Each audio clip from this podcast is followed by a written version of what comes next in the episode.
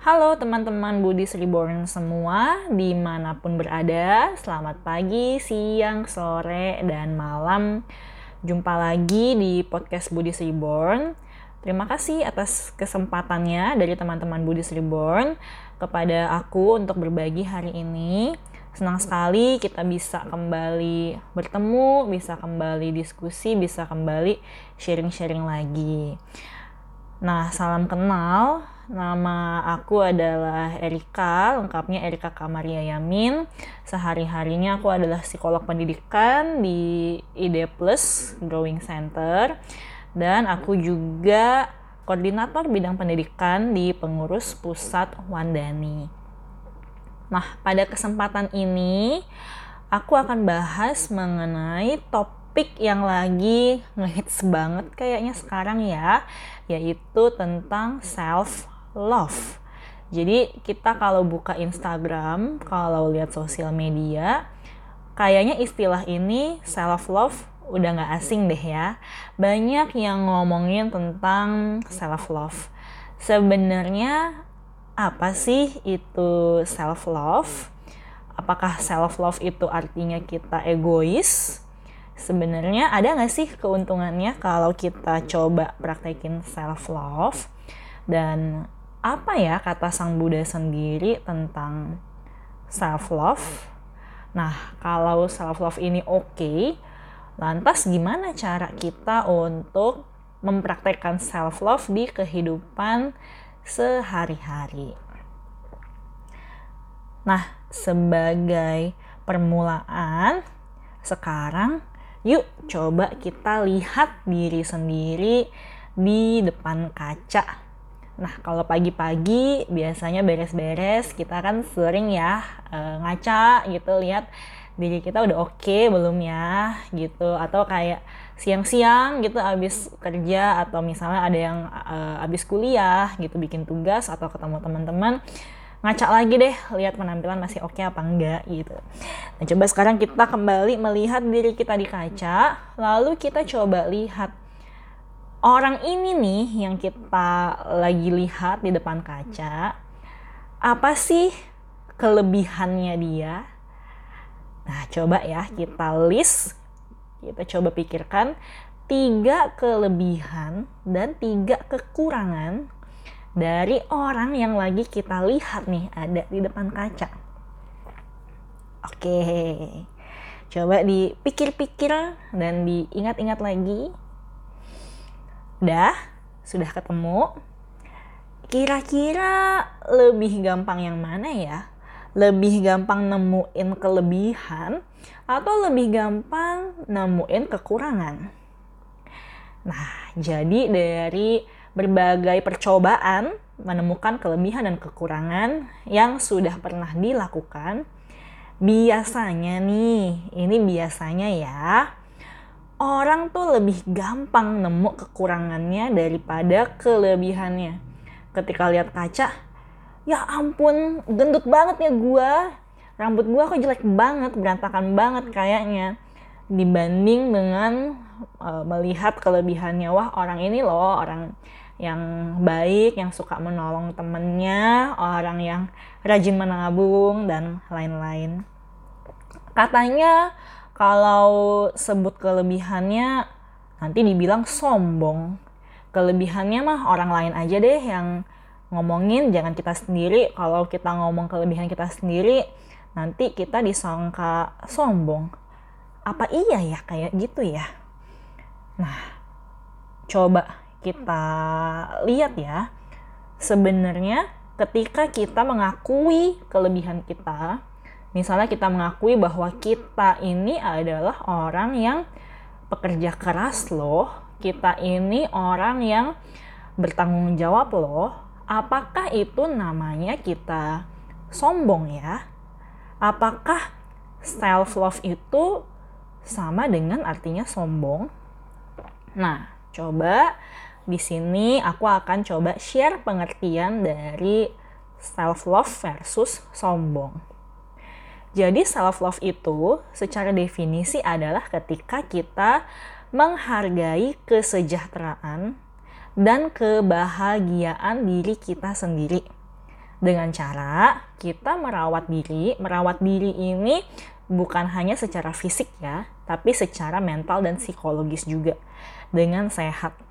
Jadi self love ini kita tahu prioritas dari diri kita dan kita mencoba untuk menghargai diri kita sendiri dan coba merawat diri kita agar sehat nih, sehatnya secara fisik maupun secara psikologis. Nah, kalau sombong itu apa ya? Nah, sombong itu adalah ketika kita merasa diri berada di atas orang lain, berada di atas orang lain. Jadi di sini ada kecenderungan merendahkan pihak lain. Oh kalau aku mah hebat orangnya oke okay. kalau dia mah enggak gitu dia nggak ada apa-apanya deh gitu gitu. Nah itu baru namanya sombong kalau ada kesan atau nuansa kita lebih di atas orang lain dan orang lain itu lebih rendah daripada kita. Nah, kalau kita lihat begini, sebenarnya beda banget ya self love sama sombong. Self love itu kita menghargai diri kita sendiri. Kita berani mengakui kalau kita punya kok kelebihan and it's okay kalau punya kelebihan itu.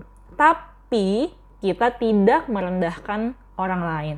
Kita pun tetap bisa mengakui kalau orang lain juga punya kelebihan.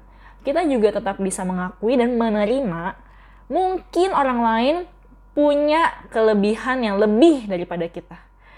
Misalnya, oke, okay, eh, aku nih jago main musik, tapi ternyata dia lebih jago lagi daripada aku, dia lebih maestro lagi daripada aku it's okay gitu. Jadi kalau self love kita menerima, kita menghargai kemampuan kita, tapi kita pun bersedia untuk mengakui kelebihan orang lain dan bersedia untuk menerima kalau ya bisa aja kelebihan orang lain ini lebih dari kita.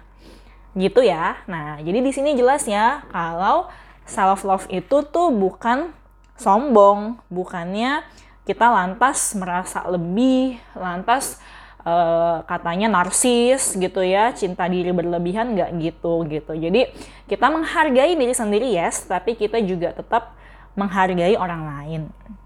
Jadi itu self love.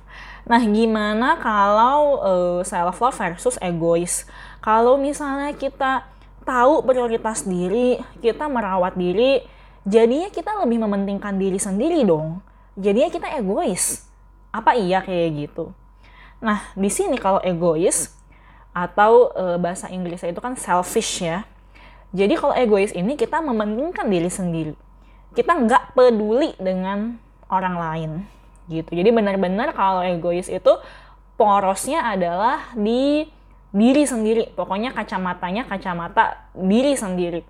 Nah, kalau self love yes, kita pun juga menghargai diri sendiri dan tadi itu kita merawat diri kita secara fisik maupun psikologis, tapi kita pun tetap peduli pada orang lain.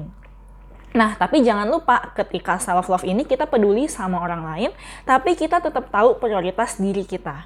Contohnya gimana? Contohnya gini, ada teman lagi susah, lalu mau pinjam duit. Nah, kita tahu prioritas diri kita kita tahu kalau meminjemin duit ke temen kekuatan finansial kita gimana gitu ya misalnya kita pun lagi kesulitan keuangan nih lagi covid nih pendapatan e, terbatas nih gitu ya yang mungkin kita bisa menolak e, bantuan dari permintaan bantuan dari teman kita itu. Atau misalnya teman kita mau pinjam duit pinjam duit dong satu juta.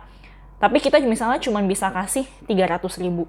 Kayak gitu. Di sana kita tetap peduli mau nolong teman kita tapi kita tahu prioritas diri kita. Kita tahu kondisi diri kita gimana. Kita sedang capable lagi mampu nggak untuk bantuin orang apa enggak gitu ya. Di sini maksudnya adalah kita bukannya egois loh, kita bukannya nggak mau bantuin orang lain loh. Kita mau bantuin orang lain, tapi jangan sampai ketika kita bantuin orang lain tanpa kita tahu prioritas diri kita gimana, nantinya akan menimbulkan masalah dan nantinya akan bikin kita ngerepotin orang lain lagi gitu. Misalnya ada temen tadi itu ya pakai kasus mau pinjem duit, mau pinjem duit satu juta. Lalu karena nggak enak, karena kasihan, karena nggak pengen disangka egois, akhirnya kita pinjamkan duit satu juta kepada teman kita padahal duit kita juga lagi pas-pasan kita tahu kalau misalnya kita pinjemin satu juta ke teman kita kita nggak bisa hidup nih buat bulan ini gitu. Yang berujung akhirnya kita susah. Lalu kita yang mesti uh, minta duit lagi sama orang tua mungkin atau kita yang malah mesti minjem duit lagi dan itu malah merepotkan orang lain jadinya atau malah itu berujung ke Uh, misalnya kita jadi nggak makan gitu ya sakit nanti ngerepotin orang-orang terdekat kita gitu. Jadi di sini perlu dilihat bahwa ketika kita menerapkan self love kita menghargai diri kita juga kita pun juga kuncinya tahu prioritas kita menolong orang iya tetap peduli tetap menolong orang tapi kita tahu batasan kemampuan kita sampai sejauh mana bukannya soal egois, tapi kalau misalnya kita membantu yang di luar kuasa kita gitu ya, di luar kemampuan kita, ujung-ujungnya malah e, kita yang akan jadi merepotkan orang lain nantinya. Dan itu juga nggak baik gitu. Nah, semoga dengan contoh tadi lebih jelas ya perbedaan antara uh, e, self love dengan sombong dan juga dengan uh, egois. Nah, apa sih sebenarnya yang kadang bikin orang tuh jadi susah untuk menerapkan self love atau uh, cinta sama diri sendiri? Gak bisa kita pungkiri bahwa sekarang sosial media itu menjadi bagian dari hidup kita sehari-hari. Tiap hari mungkin kita sering menemukan diri kita scroll-scroll Instagram, ada kita sering posting story, posting kegiatan-kegiatan sehari-hari kita itu di Instagram. Salah nggak? Enggak gitu ya. Nah, tapi kadang-kadang di Instagram, di sosial media itu kita nggak tahu ya, yang orang-orang posting itu apakah itu beneran real atau itu dalam tanda kutip pencitraan, dan kita juga nggak tahu yang mereka posting itu mungkin keberhasilan mereka, their goals gitu ya. Di Instagram di Instagram kan suka banyak goals macam-macam goals. Body goals relationship goals sibling goals bla bla bla goals gitu ya. Mereka mencapai itu tentunya dengan kerja keras di baliknya. Misalnya punya body goals gitu ya Aderai gitu dia nggak nggak cuma angkat beban sekali dua kali lalu jadi berotot gitu enggak. Itu dia sudah menjalani pola hidup sehat selama bertahun-tahun berpuluh-puluh tahun sampai akhirnya jadi seperti itu relationship goals. Mungkin pasangan ini terlihat mesra gitu, uh, awet, langgeng bertahun-tahun, tapi yang tidak kita tahu yang nggak dipost adalah mungkin perjuangan mereka dulu gimana mereka mengatasi argumen, gimana mereka uh, menekan ego masing-masing gitu ya. Uh, pahit-pahitnya deh itu mungkin nggak ada di sosial media. Kita cuma lihat the sweet side-nya aja sisi manisnya aja gitu. Jadi kadang-kadang dari hal-hal itu muncul yang namanya judgment penilaian dan comparison atau perbandingan. Kok eh, badan aku nggak sebagus dia ya? Kok dia oke okay banget ya? Gitu. Oh berarti kalau eh, body goals seperti ini nih mesti kurus banget atau relationship goals mesti kayak gini nih setiap anniversary dirayain. Nah, kadang-kadang hal-hal itu yang membuat kita jadi sulit untuk puas dan mencintai kondisi kita uh, sekarang kayak gitu. Dan kadang-kadang yang namanya judgment and comparison ini datangnya bukan dari orang lain loh, tapi datangnya dari ekspektasi kita terhadap diri kita sendiri kok um, gue nggak bisa sekurus itu ya kok badan gue nggak bisa sebagus itu ya? Kenapa ya kok gue uh, nggak bisa semesra itu nih sama pacar? Atau kok gue jomblo-jomblo aja? Kok dia enak banget sama pasangannya? Kayak gitu. Jadi kadang-kadang tantangan untuk bisa merasa puas dan bangga dengan diri sendiri dan apa yang dimiliki datangnya sebenarnya dari ekspektasi diri kita sendiri. Nah ini yang mesti kita hati-hati Nah, terkait ini, apa sih kata Sang Buddha terkait dengan self-love? Uh, Sang Buddha pernah berkata, The mind is everything, what you think you become. Jadi, apa yang kamu pikirkan itulah yang kamu menjadi. Termasuk bagaimana pandangan dan penilaian kita terhadap um, diri kita sendiri. kalau misalnya kita melihat diri kita ah jelek nih nggak nggak bakal ada yang suka lah gitu pasti bakal jomblo terus ya itulah yang akan terjadi ah eh, nggak uh, pinter nih uh, aku sih orangnya nggak pinter lah gitu aku sih orangnya bodoh lah gitu. Kayaknya nggak bakal bisa jadi apa-apa. Ya itulah kamu akan menjadi orang yang nggak sukses. Nah sebenarnya kata-kata sang Buddha ini didukung banget sama ada satu istilah di psikologi namanya adalah self-fulfilling prophecy. Jadi di sini dijelaskan bahwa uh, ekspektasi kita ya itu yang menentukan bagaimana perilaku kita dan perilaku ini menentukan hasilnya. Hasilnya ini balik lagi ke ekspektasi. Jadi contohnya misalnya nih kita mau mulai bisnis gitu, mau mulai buka PO makanan. Ekspektasi kita adalah aduh kan um, aku baru mulai masak ya, kayaknya bakalan nggak laku deh siapa sih yang mau beli coba aku bikin kue gini siapa sih yang mau beli nah ekspektasi ini yang ada di pikiran kita akhirnya ini terwujud ke dalam perilaku kita ketika memulai bisnis. Jadinya nggak total gitu ya karena ada rasa ragu-ragu, ada rasa nggak pede, belum apa-apa udah pesimis, mikir nggak bakal ada yang beli gitu ya. Akhirnya nggak total dari proses um, bikin makanannya, dari proses marketingnya, nggak total gitu ya karena tetap ada rasa ah, siapa sih yang mau beli. Kita juga posting, postingnya juga ala kadarnya kayak gitu. Dan bisa dilihat ketika kita melakukan sesuatu dengan tanpa totalitas seperti itu ala kadarnya, hasilnya juga ya biasa-biasa aja gitu ya. Dan bener akhirnya nggak laku gitu, nggak banyak yang beli. Dan di sini kita lantas um, menyalah, uh, membenarkan, sorry, membenarkan pikiran kita di awal. Tuh kan, bener kan, emang gua nggak bisa deh bisnis, emang gua nggak bisa deh buka-buka PO kue, pasti nggak bakal laku, pasti nggak bakal ada yang beli, gitu. Jadi itu dia self-fulfilling prophecy. Pikiran kita adalah pelopor, adalah pemulanya, adalah yang menentukan uh, bagaimana terjadinya nanti kayak gitu. Karena dari pikiran kita terjemahannya ke perilaku dan perilaku ini yang nentuin hasilnya gimana. Jadi sebenarnya kalau di sini adalah kita bisa simpulkan kalau kita balik. Kita sendiri yang memutuskan kita layak sukses atau enggak. Kita layak dihargai atau enggak gitu ya. Ketika kita sudah punya um, pemikiran, ekspektasi bahwa kita layak sukses gitu, kita layak untuk dihargai, ini akan muncul di perilaku-perilaku kita kayak gitu ya. Kayak tadi di penjelasan self love adalah kita mengambil mengambil pilihan-pilihan yang sehat, merawat diri kita secara fisik maupun psikologis gitu ya. Dari situ maka akan muncul hasil yang baik, hasil yang memuaskan kayak gitu. Nah, jadi di sini makanya penting untuk kita merasa puas, merasa percaya diri, merasa yakin dengan kemampuan yang kita miliki sehingga kita juga bisa menampilkan perilaku yang baik dan hasilnya pun juga akan baik. Nah, jadi kalau ketika habis baca parita gitu ya, kita sering dengar kata-kata may all beings be happy. Nah, jangan lupa bahwa diri kita pun termasuk beings gitu dan kita pun juga layak untuk be happy alias uh, kita juga layak untuk bahagia loh gitu, nggak cuma orang lain aja.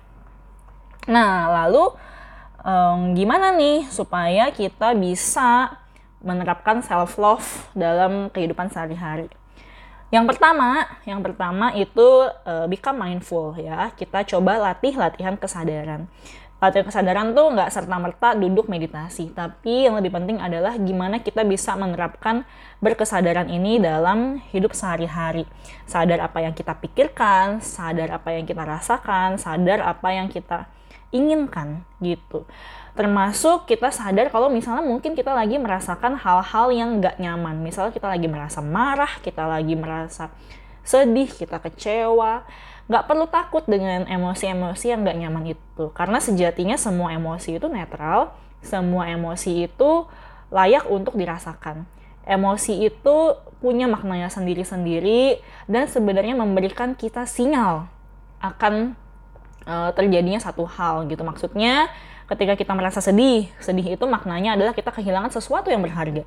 Jadi ketika kita merasa sedih, kita tahu bahwa apa yang missing itu itu yang berharga loh buat kita. Kita tahu loh mana yang berharga buat kita. Ketika kita merasa marah, kita marah itu artinya adalah diperlakukan dengan tidak adil gitu. Jadi ketika muncul perasaan marah, kita uh, ini sinyal gitu bahwa kita sedang diperlakukan tidak adil gitu. Dan kita bisa untuk uh, dengan sadar dengan mau menerima dan mengakui gitu ya kita jadi bisa mengelola perasaan ini dan bisa menampilkan respon yang lebih baik lebih bijak untuk diri kita sendiri juga. Contohnya misalnya uh, dulu aku punya teman gitu dia ditipu sama orang ya rugi sampai dengan 35 juta waktu itu. Dan waktu itu uh, dia marah tapi dia nggak mau uh, menyampaikannya gitu waktu dia pikir ya udahlah gitu ya udah nasibnya dia gitu kan padahal uh, ketika kita sadar bahwa oh ini rasa marah ya ini marah ini artinya diperlakukan dengan tidak adil. Kita tahu bahwa saat itu kita sedang diperlakukan dengan gak adil. Yes, marah itu boleh. Kita boleh dalam tanda kutip menuntut keadilan. Kalau kita ditipu sama orang seperti kejadian pada teman aku tadi, ya de, kita coba ekspresikan rasa marah ini bukan dengan cara yang um, destruktif ya. Misalnya kayak teriak-teriak gitu ya, jadi bete, mood swing, uh, menarik diri gitu tapi kita coba ekspresikan dengan hal-hal dengan cara yang lebih baik gitu misalnya kayak kita komunikasikan kita coba cari tahu gimana jalan keluarnya kita coba misalnya kalau mau tempuh jalur hukum dan lain-lain gitu ya pokoknya kita dalam tanda kutip mencoba untuk menuntut keadilan itu dengan cara yang baik dan kita sadar uh, bahwa apa yang kita lakukan ini emang ini yang kita butuhkan gitu. Lalu berikutnya tadi setelah latihan kesadaran adalah um, yang kedua kelilingi uh, sekitarmu dengan orang-orang yang memang baik gitu ya dan kita pun juga jadi temen yang baik atau kalian namita istilahnya karena katanya katanya nih kita tuh adalah rata-rata dari lima orang yang paling sering berinteraksi dengan kita gitu. Jadi coba lihat lima orang yang paling berinteraksi dengan kita siapa aja ya gitu. Karena kita adalah rata-rata dari dari mereka semua gitu. Jadi mungkin kalau ada temen gitu ya yang kita tahu istilahnya toxic friends or frenemies gitu ya coba kita batasilah hubungan dengan orang-orang seperti ini gitu yang malah membawa kita ke lifestyle atau ke kebiasaan-kebiasaan yang buruk yang teman-teman yang malah bikin kita merasa minder teman-teman yang malah bikin kita uh, merasa nggak pede yang bikin kita merasa down gitu ya. Nah, coba kita batasin pergaulan dengan orang-orang seperti itu. Yang ketiga adalah uh, praktekkan a good self care. Jadi seperti yang kita ingat gitu, bahwa ketika kita self love, ini salah satu caranya adalah kita merawat diri kita secara fisik maupun uh, psikologis gitu. Jadi mari kita coba terapkan habit-habit yang memang baik, yang memang positif dari yang basic-basic banget kayak misalnya uh, sekarang ini pasti lagi bermanfaat banget ya pola hidup sehat gitu makan yang baik cukup tidur workout atau rajin olahraga itu kan salah satu bentuk kita menghargai dan merawat diri. Dan yang terakhir oke okay, kita coba aja gitu take a baby step. Uh, coba dulu bangun habit untuk self love ini dari hal-hal yang paling kecil yang paling sederhana tapi kita lakukan secara konsisten kayak gitu. Misalnya mulai dari hal yang paling basic dulu misalnya selama ini kita oh iya kayaknya aku kurang untuk self care deh gitu. Selama ini makan masih sembarangan tidur sering begadang workout boro-boro. Nah coba kita pilih satu dulu mana yang mau kita coba lakukan untuk konsisten lakukan dengan konsisten. Misalnya oke okay, sekarang nggak begadang deh tidurnya akan uh, coba untuk lebih teratur. Itu dulu aja gitu. Jadi uh, langkah untuk kita mempraktekkan self love nggak usah yang ribet-ribet nggak usah yang wah-wah nggak usah dari yang gede-gede dulu.